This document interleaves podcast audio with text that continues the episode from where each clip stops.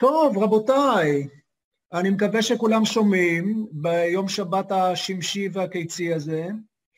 השמש זורחת, הציפורים מצייצות, ואנחנו מדברים על מדיטציה טרנסצנדנטלית. וכדי לגוון את העניינים, שזה לא יצא שכל פעם אני מספר לכם סיפורים, אז אנחנו, חשבתי להתחיל להזמין אורחים כל פעם. אנשים חביבים שיספרו לנו על ההתנסות שלהם, מה זה עושה להם, מה זה עשה להם. תמיד חלמתי להיות מנחה בטלוויזיה, סתם, סתם אני צוחק.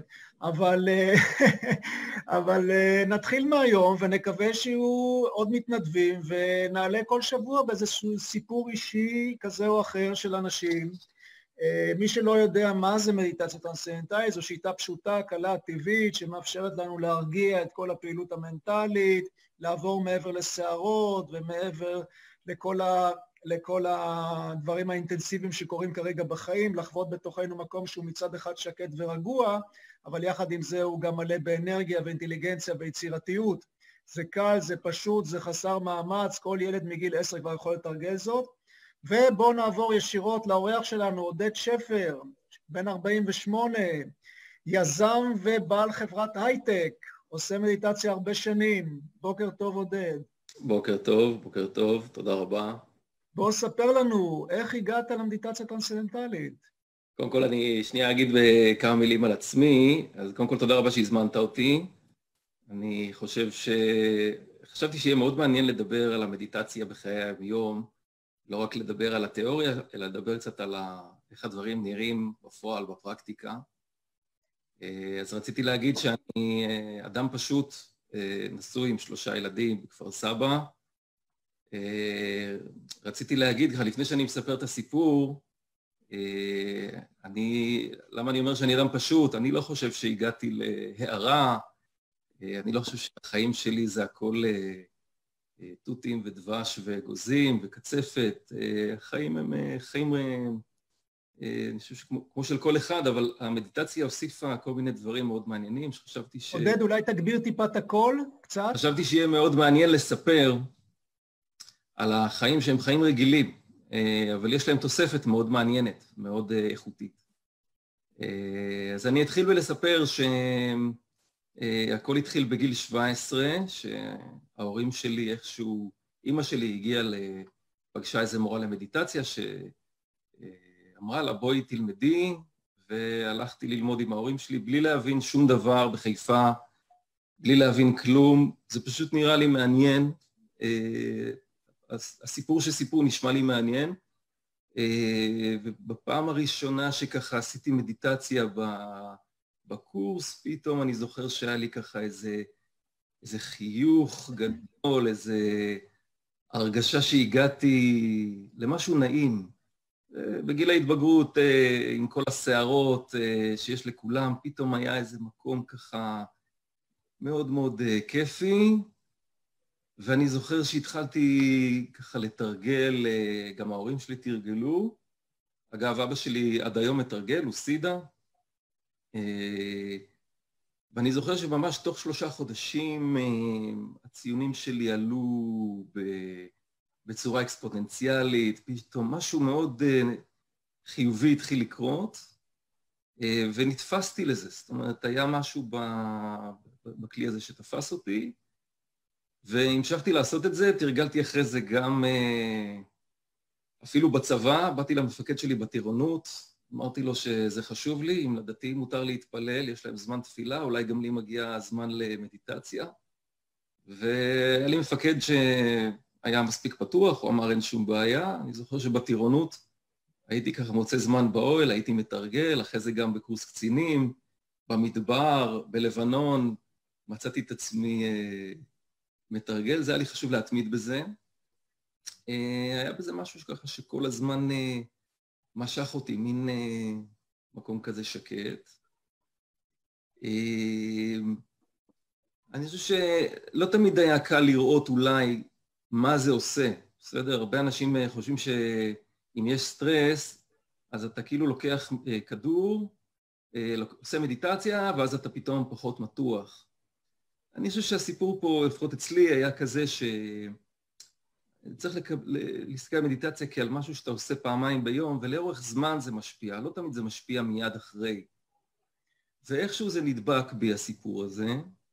היית סדיר, היית סדיר כאילו פעמיים ביום מההתחלה, או שהיו לך הפסקות פה ושם? מההתחלה הייתי סדיר, וגם כשהייתי חייל סדיר הייתי סדיר.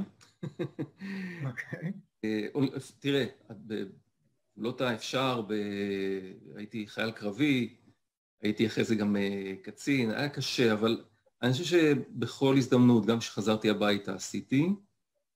אמ, ואחרי זה כשהשתחררתי, לא, אה, אה, קצת התרחקתי מזה, זאת אומרת, היו הפסקות, אבל תמיד חזרתי לזה, זאת אומרת, זה היה מין, זה משהו שתמיד היה שם, ותמיד חזרתי אליו. הייתי כזה סטודנט הולל, אה, לא תמיד היה לזה מקום, אבל זה תמיד היה משהו שהרגשתי שאני רוצה לחזור אליו.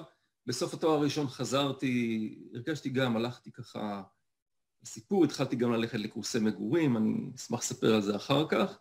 רגע, מי שלא יודע מה זה קורסי מגורים, זה אחרי שלומדים מדיטציה טרנסצדנטלית, אחרי מספר חודשים אפשר לצאת לקורס, שזה סוף שבוע כזה, ששם עושים יותר מדיטציה, משלבים את זה עם יוגה, עם אסנות של יוגה, והקורס הזה פשוט מאפשר לנו התנסות הרבה יותר עמוקה במדיטציה. אוקיי. Okay. אז אה, היו לי הפסקות, אבל אה, fast forward אני יכול להגיד, עם כל ההפסקות שהיו, היום המדיטציה היא ממש אה, דרך חיים. היום אני ארגנתי את החיים שלי סביב הסיפור הזה. הוא הביא לי הרבה ברכה, אני אשמח לשתף קצת באיזה מקומות ולספר למה. אבל זה לא, זה, זה לא תמיד היה ככה, כמו שאמרתי, קל, לפעמים זה היה סיזיפי, לפעמים אה, הייתי צריך להכריח את עצמי קצת, כאילו, היה משהו... להכריח את עצמך למצוא את הזמן, או להכריח כן, את עצמך... כן, כי, כי גם אה, משתחרר מתח, וחלק מהשחרור מתח הוא חוויות לפעמים אה, ככה, אה, אולי של שעמום, זה גם חלק מהסיפור. וגם יש כל מיני נסיבות חיים, היו לי ילדים קטנים, היה לי עסק, לא תמיד מצאתי זמן לזה, אבל אני חושב שב... עשר שנים האחרונות, שמונה שנים האחרונות זה ממש ככה, נכנס לי לדם חזק. אה, וגם אני חושב שהתועלת שבזה נהייתה הרבה יותר ברורה ככל שהזמן התקדם. אה, אגב, היה, אני זוכר, פשוט אה, בשנות ה-20 עשיתי קורס מגורים, היו לי חוויות מאוד עמוקות כתוצאה מהקורס. התחלתי ממש להרגיש שהעולם מאוד מאוד יפה ומקסים. חזרתי משם מאוד אה, נפעם, נפעם מהעולם, ודווקא זה קצת באיזשהו מקום היה לי קשה להכיל את החוויה הזאת. זאת אומרת, אני מנסה להגיד, זה לא תהליך לינארי, זה תהליך שיש בו כל מיני, זה תהליך של התפתחות, ויש בו גם הליכה קדימה, לפעמים גם קצת הליכה אחורה. אה, ואני אומר לכל המודדים שמקשיבים, אה, הרבה פעמים מאוד עוזר לדבר עם אה, מורה לאורך התהליך הזה. כל מי שמעוניין, כל מי שנתקל בכל מיני התלבטויות או קשיים, מאוד, מאוד עוזר לדבר עם מורה לאורך הדרך. כן, יש גם, את ה... יש גם את הנושא הזה של, למי שלא יודע, של checking. זאת אומרת, אחרי שאנחנו לומדים מדיטציה טרנסצנדנטלית, אנחנו ממליצים אנחנו ממליצים לאנשים לבוא לבדוק את ההתנסות שלהם. התרגול הזה הוא סופר קל, הוא סופר טבעי, הוא פשוט, הוא חסר מאמץ, ילדים מגיל עשר מתרגלים אותו, אבל כמו כל דבר אחר, גם דברים פשוטים צריך לדעת איך לעשות אותם. ולכן יש תהליך כזה של פגישה של אחד על אחד עם המורה שלימד אותנו, שהוא עובר איתנו למדיטציה שלב אחרי שלב, לוודא שאנחנו עושים את זה בצורה נכונה. כי לפעמים בגלל שזה כל כך פשוט, אנשים מנסים לסבך דברים פשוטים. אז אין פה מה לסבך, זה סופר פשוט, אבל צריך לבוא מדי פעם אה, כשמרגישים צורך, נגיד אה, סתם מה שעודד מספר, שהיה איזשהו קושי או משהו כזה, צריך לצלצל למורה, לבוא לפגישה והכל מסתדר, זה הכל בסדר. כן. אז איך זה, עודד, בוא ספר לנו, אתה אחרי שלמדת וזה, התחלת, אני מניח, לעבוד בתחומים מסוימים, איך זה השתלב לך בעבודה? איך זה השתלב לך בחיים עצמם, בחיים המקצועיים, בחיים המשפחתיים? אה, תראה, שאלה מאוד גדולה. אני חושב שבכל תקופת חיים זה היה משהו קצת אחר, אבל אה, אני חושב שיש משהו במדיטציה שבאמת מפחית מתחים, ואז כתוצאה מזה, וזה תהליך יומיומי, כאילו כל יום עוד טיפה ועוד טיפה, כשיורד על הסטרס, אני, אני מרגיש שאפשר לראות דברים בצורה יותר בהירה בעולם. זאת אומרת, אפשר לראות אנשים בצורה יותר בהירה, פחות לראות את, ה, את הלחץ או את הסטרס, ואז המפגש עם העולם נהיה פשוט יותר אה, נעים, יותר רך, אה, יותר עמוק. המפגש עם אנשים, עם, אה, עם הילדים, שותפים בעבודה. חשבתי אולי לתת כמה דוגמאות, סתם לדברים שאני ככה זוכר. קודם כל לגבי הילדים. הייתה תקופה שהם היו יותר קטנים, שהבקרים אצלנו בבית היו מאוד מאוד לחוצים. אשתי הייתה יוצאת מוקדם, הייתי נשאר עם שלושה ילדים קטנים, ופשוט הייתי משתגע מהלחץ. אפילו כשתרגלתי מדיטציה, הרגשתי שהסטרס הורג אותי, הם כל הזמן אה, נג'סו ורצו דברים, וזה פשוט אה, הביא אותי למצבים ממש אה, לקצה, וכל הזמן אמר, הייתי בטוח שהבעיה היא עם הילדים, שיש לי בעיה, שיש לי ילדים פשוט מאוד מאוד מלחיצים. יום אחד תפסתי את הראש ואמרתי שזה לא, לא יכול להיות. זה לא, זה אצלי. הסטרס הוא לא בחוץ, הוא לא מגיע מהילדים, זה אני. והתחלתי לעשות איזה שינוי עם עצמי, הבנתי ש... אני חושב שהמדיטציה עזרה לי להבין את זה, אוקיי? זה דרך התרגול הגיע, שזה לא הילדים שמייצרים את הסטרס, זה משהו אצלך פנימי אה, שאתה צריך אה, לעבור אותו כהורה, כאדם, ואני חושב שברגע שתפסתי את זה, התחלתי לעשות דברים אחרת בבוקר, התחלתי פשוט לפעול בצורה שונה, ובאמת, בגלל שאני נהייתי יותר רגוע, גם הילדים אה, נרגעו. זו דוגמה אחת, שהייתה דוגמה די מוצלחת. ובעבודה, בעבודה אני חושב ש...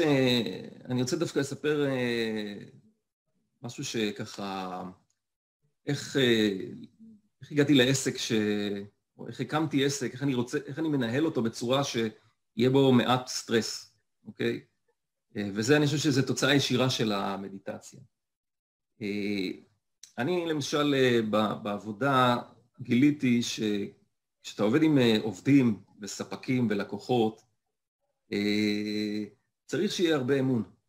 הרבה אמון בין, בין המנהלים לבין העובדים, בין החברה לבין הספקים. הספקים צריכים לדעת שהם משלמים להם בזמן, אה, העובדים צריכים לדעת שהם יקבלו משכורת, כל מיני דברים שנשמעים טריוויאליים.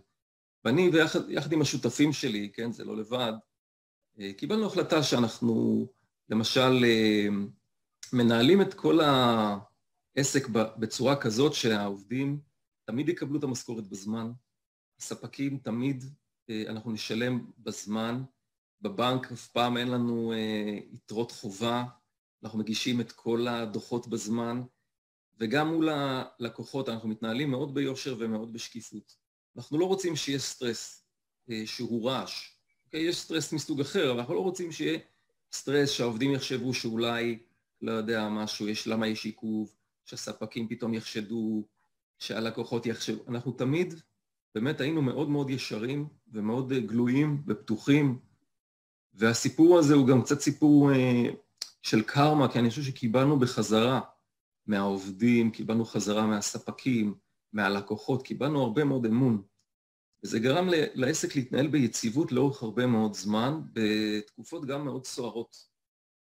ואני רואה לפעמים מנהלים שהולכים ואיכשהו משתעבדים לסטרס. יש מין אה, מרדף אינסופי והרבה ייאוש ועייפות שאני רואה אצל אה, חלק מהעמיתים שלי, ואני חושב שכשמתרגלים מדיטציה, איכשהו באופן טבעי יש רצון לייצר איזו יציבות. אני חושב שהחברה שלנו עד עכשיו, טפו טפו טפו, אני מקווה שלא ישתנה, הכל עובד אה, באמת מאוד מסודר ומאוד יציב, ואני תולה את זה רק ב, אה, בדברים שהמדיטציה פתחה לי.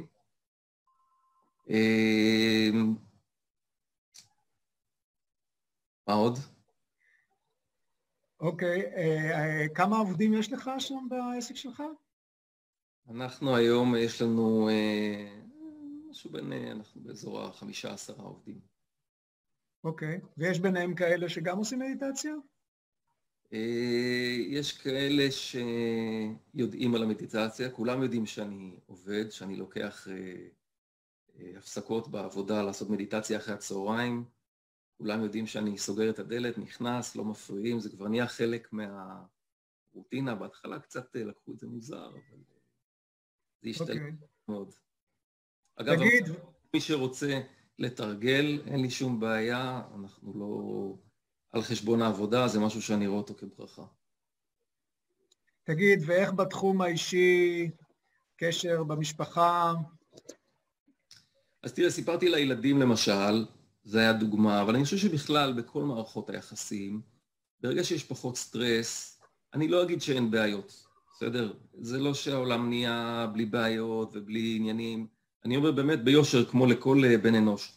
אבל אני חושב שיש יותר כלים יש יותר אורך רוח, יותר סבלנות, יותר uh, הכלה, יש יותר הקשבה, יותר יכולת למשל אה, להתאים uh, לצרכים, לזהות צרכים, בעיקר אצל הילדים, ואז יותר, הדברים uh, נעשים בצורה יותר קלה. ואני אומר שוב, זה לא שאין בעיות, והמדיטציה היא לא תרופת קסם שפותרת את כל הבעיות שבעולם,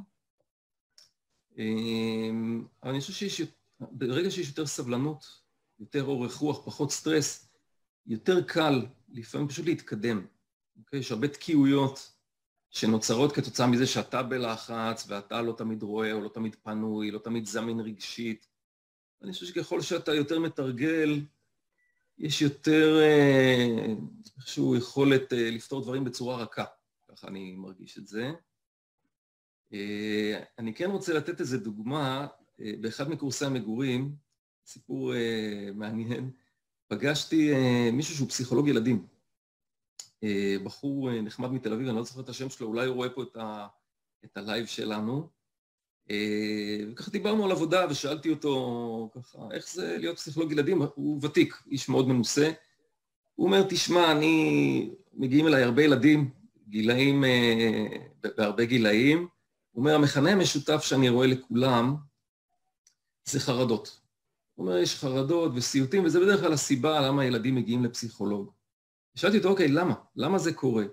הוא אומר, תשמע, מכל מה שראיתי, וראיתי המון, הוא אומר, ראיתי המון, מישהו מתל אביב, באמת, הוא אומר, הסיבה המרכזית אה, שילדים מתחילים לחוות חרדות ומגיעים לטיפול, זה כי להורים שלהם אין זמן להיות איתם.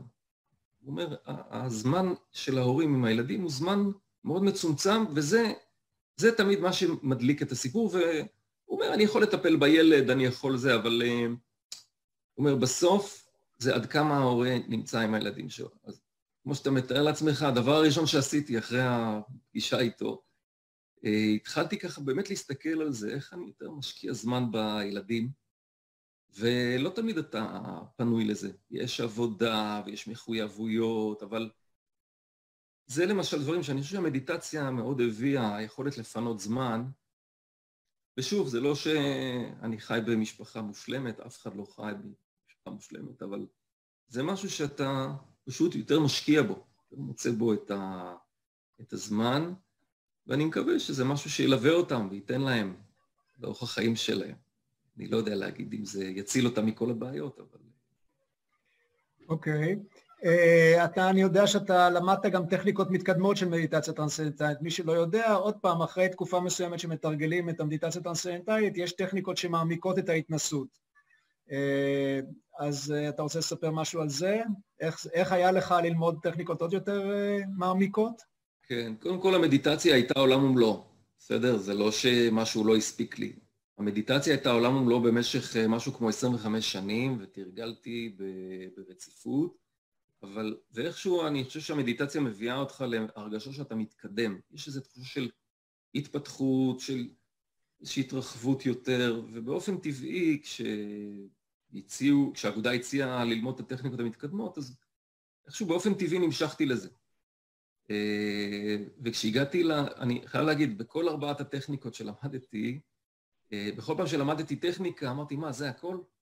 זה מה שמערישי הביא, מה, זה הכל, אבל כל אחת מהטכניקות הייתה מאוד אה, עוצמתית. וכל אחת הביאה לאיזושהי הרחבה, שלפעמים קשה לי להגיד במילים, היא הביאה לאיזושהי תוספת מאוד איכותית ביכולת להבין את הסביבה, היכולת לתפוס קונטקסט בצורה הרבה יותר מלאה. אני חייב לספר סיפור, כן, שזה לא יישאר בתיאוריה. סיפור שקרה לי, ואני משייך אותו רק לטכניקות המתקדמות, כי לפני זה לא היה לי את זה. יש לנו בחברה לקוח שהולך איתנו, שני, שני סיפורים, האמת, בסדר? יש לנו לקוח גדול שהולך איתנו הרבה שנים, ויום אחד הוא פשוט הוריד פעילות.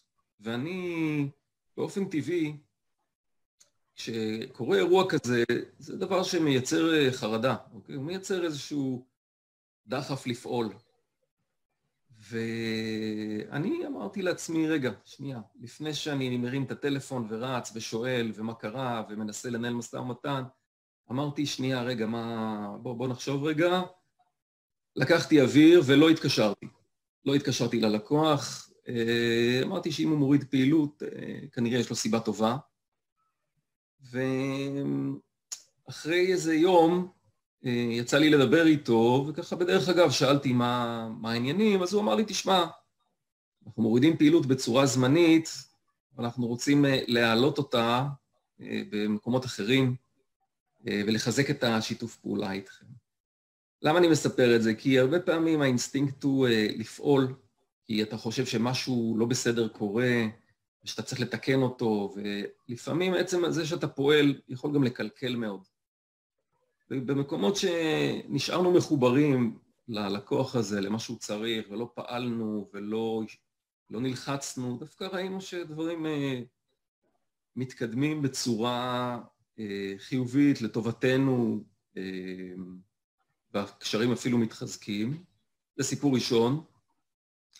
סיפור שני, שאני חושב שהוא גם קצת, הוא מעולם העבודה, אבל אני, אני מנסה להראות איך הטכניקות המתקדמות אה, עזרו לנו, אה, גם בהקשר הזה של קרמה. אני חושב שבעולם העסקים, במשפחה בכלל, הסיפור של קרמה והמדיטציה, כשמבינים אותו ופועלים לפי ההבנות האלה, אז אני חושב שההתנהלות היא קצת יותר, איך אני אגיד את זה, יותר מדויקת אולי, היה לנו אירוע שהיה לנו איזשהו שיתוף פעולה עם חברה, והיה לנו יחסי אמון מאוד מאוד אה, קרובים איתם. ויום אה, בהיר אחד, החברה הזאת אה, דפקה לנו על הדלת והציבה לנו איזשהו איום קיומי על החברה, איזשהו סוג של ניסיון השתלטות נגיד, משהו כזה, שמאוד מאוד טלטל וערער, כי היה אמון מאוד מאוד גבוה, ו... הרגשנו שנעשה לנו תרגיל על ידי אנשים שמאוד שמחנו עליהם. וכשאתה מתרגל מדיטציה, אתה פתאום מתחיל גם לשאול, רגע, איך זה קורה? מה, מה עשיתי לא בסדר? מה, איך לא ראיתי? איך נתתי אמון? איך... הסטרס מאוד גדול, כי זה באמת היה איום קיומי על, ה, על העסק. וישר הלכנו להתייעץ עם אה, עורכי דין מהבכירים שיש, לשאול מה עושים, איך מתנהלים, עורכי הדין ישר אמרו, אין שום בעיה, אנחנו נוציא מכתבים, אנחנו נעים בתביעה, זה עולה כמה מאות אלפי שקלים, ואין לך ברירה. אם אתה לא נכנס לסיפור הזה, אתה יכול לאבד את, ה, את הכל, נכון?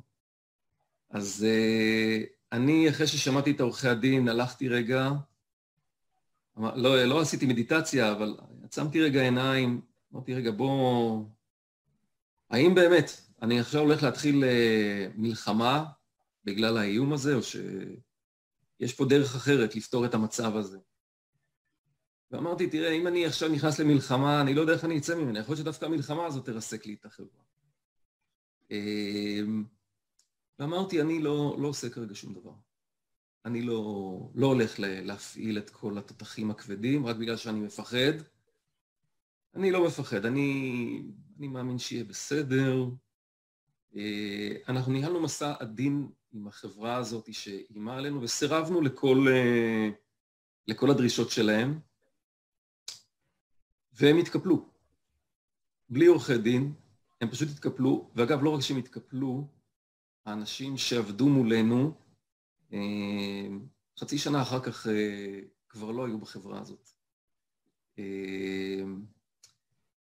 אני, אני, אני אומר את זה כי גם יכול להיות צד השני, אוקיי? גם יכול להיות שהיינו מפסידים את הכל, ו...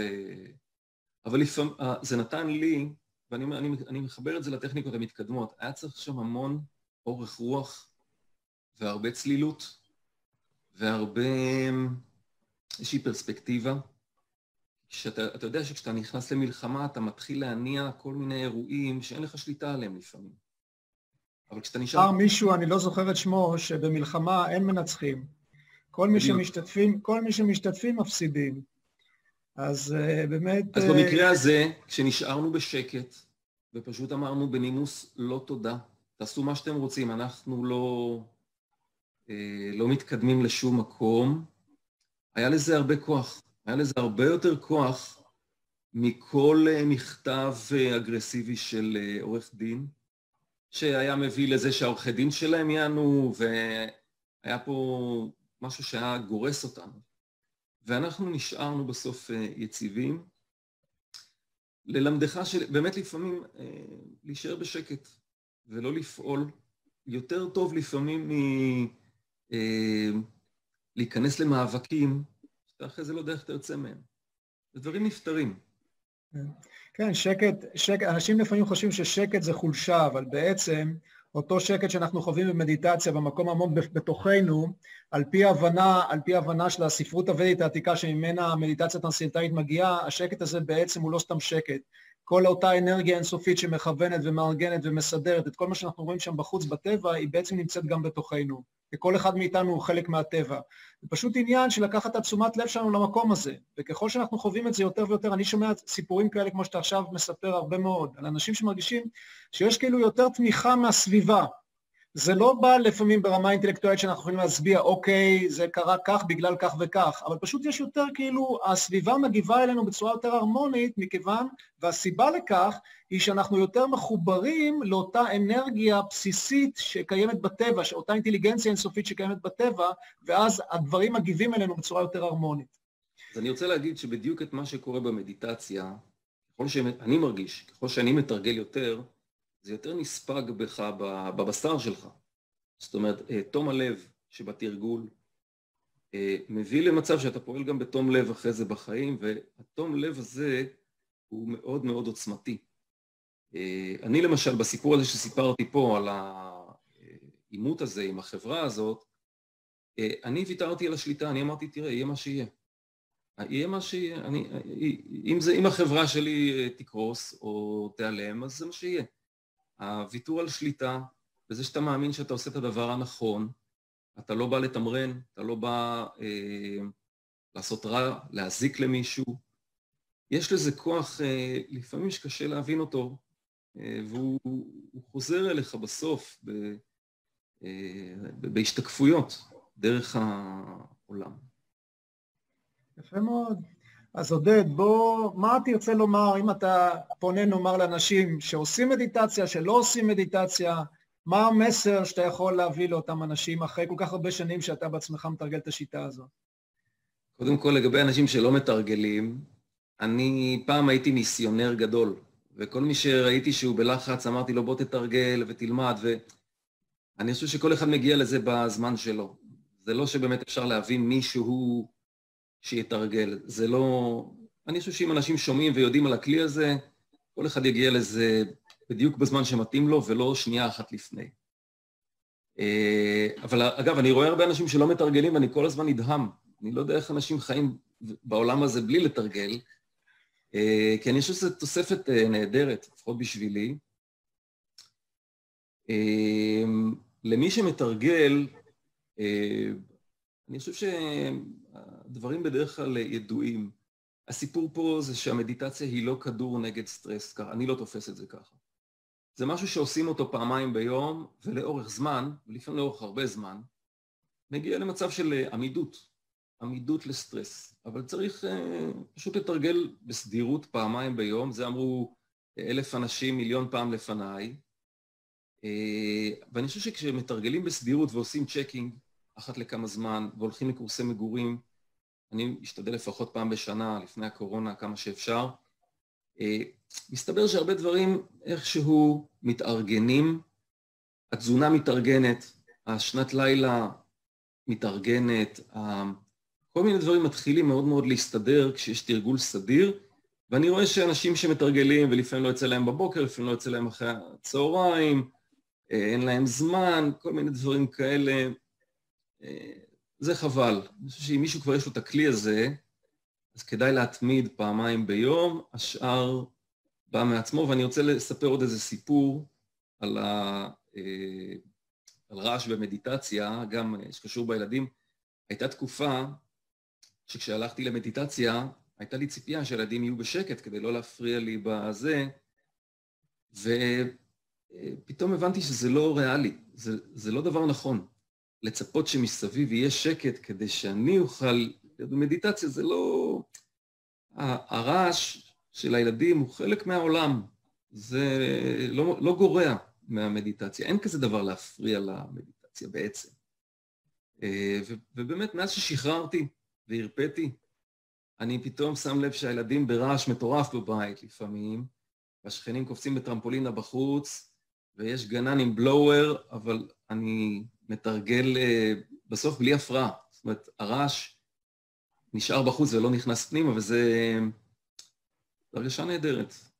זה מזכיר לי שהבמה הקולנוע דיוויד לינץ' מספר שהוא גם 40, 40 שנה עושה מדיטציה טרנסצנדנטלית, הוא מספר שאחת המדיטציות הכי טובות שהיו לו, שה, שהיו לו, אה, שהייתה לו, זה היה כשהוא ישב בחדר ומעבר לקיר, בנאים עם פטישי אוויר, אה, עשו איזשהו שיפוץ אינטנסיבי בחדר ליד, והוא אומר, כל כזה רעש חזק של פטישי האוויר גרם לו לגלים של אושר בתוכו.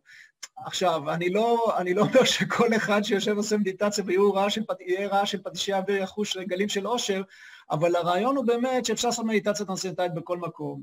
אה, אפשר לעשות את זה, ולמה? מכיוון שאנחנו אנחנו יודעים, אם אנחנו נמצאים לדוגמה באמצע שוק הכרמל, נכון?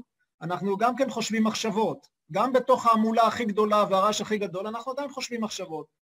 אז אנחנו יכולים, אם אנחנו מסוגלים לחשוב מחשבות גם במקום הכי רואה שיכול להיות, אנחנו יכולים גם לתרגל מדיטציה. המדיטציה הטרנסטנטלית היא לא דורשת uh, תנאים של שקט מסביב, אפשר לעשות את זה בנהיגה, לא בנהיגה שאתם נוהגים, סליחה, אפשר לעשות את זה באוטו אם אתם לא נוהגים, אפשר לעשות את זה בחצר, אפשר לעשות את זה ברכבת, אפשר לעשות את זה בכל מקום שאתם יכולים לשבת ולעצום עיניים. זה קל ופשוט וחסר מאמץ. ויש לי עוד משהו להגיד. אה, אני, יצא לי לאורך הדרך לפגוש הרבה אנשים שמתרגלים אה, מדיטציה, אה, וככה להתרשם. אגב, מאוד כיף לבוא לקורסי מגורים גם בהקשר הזה, פשוט לפגוש אנשים מקסימים שמתרגלים. אבל רציתי להגיד משהו על תזונה. מסתבר שיש הרבה אנשים שמתרגלים, ואולי אין להם כל כך, התנסויות כל כך טובות, אתה מגלה שהם שותים קפה למשל, או אלכוהול, או אוכלים מאכלים שלא טובים להם. ופתאום אה, אני שמתי לב, באמת בצורה מאוד טבעית, שהתרגול הביא לאיזשהו עיבוד עניין בכל מיני דברים שפחות טובים, לי לפחות. אה, הרבה פחות אלכוהול, הרבה פחות קפה, הרבה פחות בשר, אה, הרבה פחות בכמויות. זאת אומרת, יש משהו גם בתזונה, ומערישי מדבר על זה, ואני חושב שזה גם חלק מאוד משמעותי מהסיפור.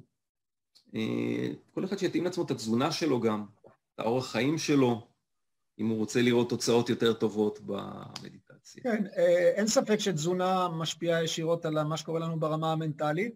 לתרגל מדיטציה טרנסצנדנטלית, כדי להתחיל את התרגול הזה, אנחנו לא צריכים לעשות איזה שהם שינויים בתזונה שלנו. כל אחד יכול לאכול מה שהוא רוצה. הדבר היחידי שאנחנו מבקשים מאנשים שרוצים לבוא להירשם לקורס, זה אם במידה והם מעשנים גראס, חשיש, כל מיני סיפורים כאלו, השבועיים לפני זה לא, לא להשתמש בחומרים האלה, פשוט ההתנסות במדיטציה תהיה יותר צלולה ויותר בהירה. הרבה אנשים, כמו שאתה אומר, מדווחים שעקב התרגול, אז באמת הרגלי תזונה שלהם נעשים יותר הרמוניים, אבל זה בצורה טבעית. זאת אומרת, אין כאן צורך, לה, אין כאן עניין שאוקיי, נכון. אתה צריך להתחיל, להפסיק לשתות קפה. נכון. לא הייתי ממליץ למישהו לשתות שתי ספלי אספרסו לפני שהוא מתחיל את המדיטציה, כי אז, אה, אתם יודעים, כל הפעילות המנטלית תהיה ב... בספידים, אבל, אה, אבל אין פה עניין שאנחנו צריכים להפסיק קפה או להתחיל אה, בתזונה כזו או בצורה אחרת, כל אחד אוכל מה שהוא רוצה, אבל באופן טבעי באמת החיים נעשים יותר ויותר אה, מתואמים לאותו אימפולס שקיים בטבע, לחוקי הטבע אפשר לומר, ואז הרבה אנשים שמים לב באמת, כמו שאתה מתאר, שהתזונה שלהם פשוט יותר נכונה עבורם. כן. אז זה באמת אחת התוצאות היפות של מדיטציה, שהדברים קורים בצורה טבעית. זאת אומרת, זה לא שאנחנו כאן מנסים ללחוץ על משהו, או לכוון משהו, או לשנות הרגלים בכוח, לא. כל השינוי הוא טבעי, הוא חסר מאמץ, ולפעמים שואל, שואלים, אנשים שואלים אותי, תגיד, אתה, כי אני 42 שנה כמעט אה, מורה למדיטציה טרנסצנדנטלית, ולפעמים שואלים אותי, תגיד, לא נמאס לך כל כך הרבה שנים ללמד את הטכניקה הזאת? והסיבה שזה לא נמאס היא אחת, שאני כל פעם רואה את זה מחדש. לא משנה, אנשים מגיעים ללמוד מדיטציה, לא משנה מה הרקע שלהם, לא משנה אם אוכלים בשר, לא אוכלים בשר, שותים אלכוהול, לא שותים אלכוהול, אה, חיים בצורה ספציפית כזו או אחרת, ממש לא משנה. כבר מהרגע הראשון שהם מתרגלים את הטכניקה הזאת, מרגישים את השקט העמוק הזה. אין בזה אפס. איך נראה אחר כך את התוצאות בחיים? עוד פעם, זה לא אברקדברה, זה לא הוקוס פוקוס, שלא נכון. תבינו לא נכון. כל אחד יראה את התוצאות בקצב שלו, אבל כבר מהרגע הראשון מתחילים לחוש בשקט העמוק הזה, ברגיעה העמוקה הזאת. ומדוע? בגלל שהשיטה הזאת כל כך פשוטה, כל כך טבעית, כל כך חסרת מאמץ. זה מה שכל כך יפה בה, ואני רואה את זה כל פעם מחדש. וכשאתה רואה את זה כל פעם שאתה מלמד, אז זה פשוט עושה לך אינספירציה להמשיך ללמד. וגם מסתבר וזה תמיד הפתיע אותי, יש המון אנשים שמתרגלים ברחבי הארץ, אה, וכל אחד מתרגל לבד בבית, אבל אה, אפשר לפגוש אותם בכל מיני קורסים, אה, ומסתבר שיש לא מעט אנשים, פשוט אנשים מקסימים, שמתרגלים ונהנים. אז זהו, זה גם... כן, למדו בארץ מעל 60 אלף איש מדיטציה טרנסצנטלית, ולומדים כל הזמן. וכן, זה תמיד נחמד לראות אה, אנשים אחרים שעושים מדיטציה, תמיד גם נחמד לעשות מדיטציה ביחד. בתקופות רגילות של טרום קורונה, אנחנו כל שבוע במרכז שלנו בתל אביב מקיימים מדיטציה קבוצתית, עכשיו אנחנו עושים את זה בזום לעיתים קרובות, כי זה תמיד כיף. כשאנשים יושבים ביחד וכל אחד חווה בתוכו שקט, שלווה, אז נוצר, נוצרת איזושהי אווירה, השלם הוא תמיד יותר מאוסף חלקים, אז נוצרת איזו אווירה שלמה של שקט, שאנשים מרגישים שההתנסות שלהם במדיטציה הרבה יותר עמוקה. טוב, אז uh, היה כיף לדבר איתך. תודה רבה שהזמנת אותי. בשמחה, ומהצופים, אלו מכם שצופים ומתרגלים מדיטציה ורוצים גם לעלות לשידור כזה, אנחנו נשמח, זה נחמד. מישהו שאל איזה אה, שאלה? יש שאלות? אה, שאלות, אני שכחתי לומר לכם, אתם יכולים להכניס, אני הבנתי שזה לא עלה בדיוק לעמוד שבו הכרזנו שזה יעלה, אז זה מופיע במקומות אחרים, אבל אתם מוזמנים לתקתק שאלות. אם יש לכם שאלות, אני רואה את זה כאן בפרופיל שלי, וגם בעצם בקבוצה של הסגורה של מתרגלי מדיטציה טרנסצנטלית. אם יש שם אנשים ששומעים אותנו ורוצים לשאול משהו את עודד, אז בכיף, אתם יכולים לתקתק עכשיו ואני אראה אתכם. או שאם לא, תתקתקו יותר מאוחר, ואנחנו פעם הבאה, בפגישה הבאה, נענה. טוב. או שעודד, או שעודד יענה לכם גם בהתכתבות שם בצ'אט. זה היה פעם ראשונה, אז מבחינה טכנית אנחנו קצת, אה, היה קצת אה, פישולים פה, אבל אנחנו פעמים הבאות אה, נדאג שזה... אני אשמח לענות על שאלות אם יש מי שרוצה, אחר כך גם. בכיף. אז אתם מוזמנים לשאול את מה שעולה ברוחכם, ושוב, מי שמעוניין לעלות לשידור כזה, שילחו לי הודעה, אשמח, ושיהיה לכולכם סגר נעים, ורק דברים טובים. תודה רבה, מוטי. בכיף, אז להתראות בינתיים. להתראות. ביי ביי.